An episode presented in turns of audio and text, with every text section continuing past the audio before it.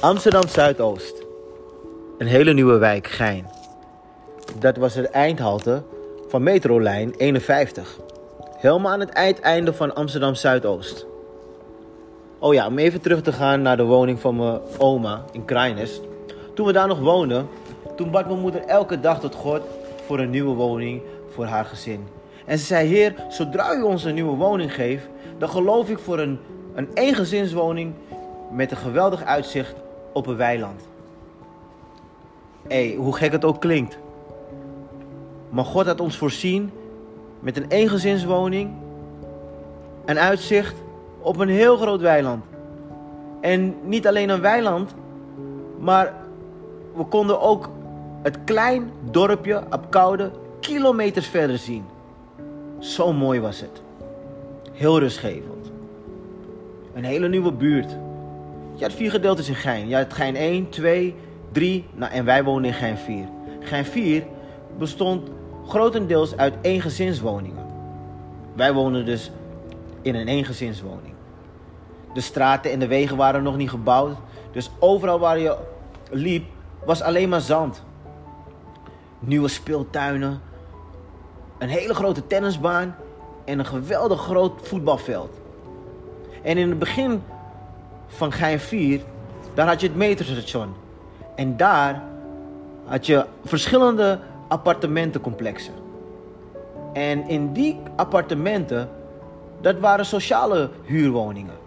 Daar woonden alleenstaande moeders, Surinaamse moeders, Antilliaanse moeders, met wel vier, vijf, soms zelfs wel acht kinderen. En deze moeders, die hadden niets, eigenlijk niet veel. Ze hadden of een uitkering, ze leefden via sociale dienst. En daarmee moesten ze hun kinderen opvoeden. Maar alsnog maakten wij het er beste van. Ik groeide op met die kinderen. Veel van die kinderen werden mijn vriendjes. In de buurt speelden we blikkietrap. In de buurt speelden we dat spelletje stoepen. Ik weet niet of je dat kent. Maar stoepen is namelijk als je een bal hebt in je hand en je mikt het op een andere stoep waar een andere persoon op staat, een ander kind op staat, en je raakt die stoep, dan ben jij de winnaar. Nou, dat was een geweldig spel toen. Ook we hielden we kattenkwaad uit. En soms deden we ook aan belletje trek. Nou, wie niet? Ik ging ook daar naar een nieuwe basisschool, Vijzelmolen. En ik probeerde daar echt mijn draai te vinden. Maar daar kwam ik erachter, en vooral mijn ouders kwamen erachter, dat er iets mis met mij was. Ik was niet gek of zo. Maar door Amerika en door die hele cultuurshock en door de verandering en ook door de afwijzing daar en ook hier toen we, toen we in Nederland aankwamen, gebeurde iets in mij. Ik werd, ik werd onrustig. Ik werd ook baldadig. En ik knokte heel veel op school. Dus een nieuw leven, een nieuw begin. Maar alsnog ging het niet echt goed. En ook die vriendjes van mij, wat ik net vertelde, waarvan hun moeder alleenstaand was, die waren ook niet de liefste. We probeerden wel gewoon leuk te spelen met elkaar, maar uiteindelijk werd het van kwaad tot erger en wij werden ook erger. Gingen we stiekem sigaretjes roken in de buurt, bij elkaar in de schuur, bij elkaar in de boksen.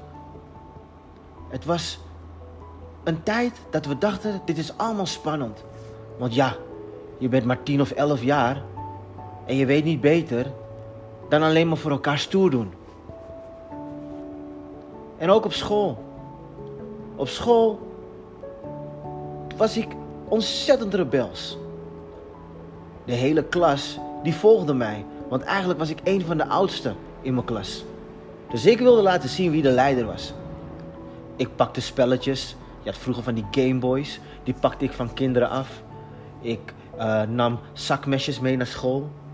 En de juffrouw confronteerde mijn vader ermee. En toen zag mijn vader, hé, hey, er is echt iets aan de hand met mijn zoon. Maar hij ging door gewoon met het evangelie. Hij dacht, dit is wel een periode wat vast wel overgaat. Maar goed, zo ging het dus verder. En uiteindelijk werd ik heel lastig op school. En mijn vader moest continu terugkomen om met de juffrouw te praten. Ik weet nog hoe ze heet, juffrouw Ilse.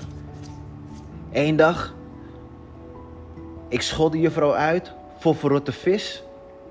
En we stonden allemaal op de tafels, want ik zorgde ervoor dat we namelijk een hele uh, hijsa maakten in de klas. En de juffrouw die schreeuwde keihard en ze huilde en ze zei: Joshua, ik weet nu meer wat ik met jou aan moet. En zij rende weg uit de klas. Wauw, wat voelde ik me sterk en wat voelde ik me stoer. En mijn vader moest weer naar school komen. Na schooltijd, zoals ik al eerder vertelde, rookten we al sigaretjes. Maar we deden ook andere gekke dingen. We wilden experimenteren. We wilden uh, ontdekken wat het leven was. Dus soms gingen we zelfs stiekem overdag met de metro naar Amsterdam Centrum. En daar liepen we als elfjarige jongetjes daar in de roze buurt kijken naar vrouwen achter de ramen. Ja, je weet wel wat ik bedoel. Kijken naar de prostituees, de raamprostituees. En wij vonden dat kicken.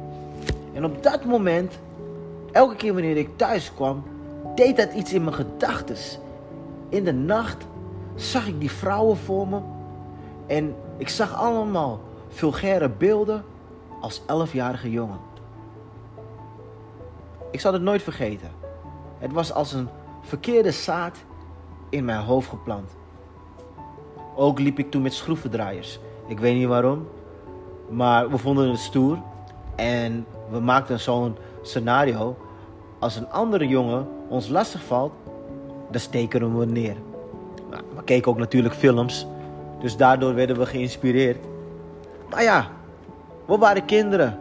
Dus we dachten, dit is alleen maar stoerdoenerij. Verder rookten we sigaretjes. Verder keken we ook naar pornoblaadjes. Waarvan oudere jongens dat kochten in de winkels en die het aan ons gaven. We probeerden van alles in de buurt om het alleen maar spannender te maken. De basisschool ging dus niet goed met mij. Ik werd een rebel, ik werd opstandig en ik werd onhandelbaar.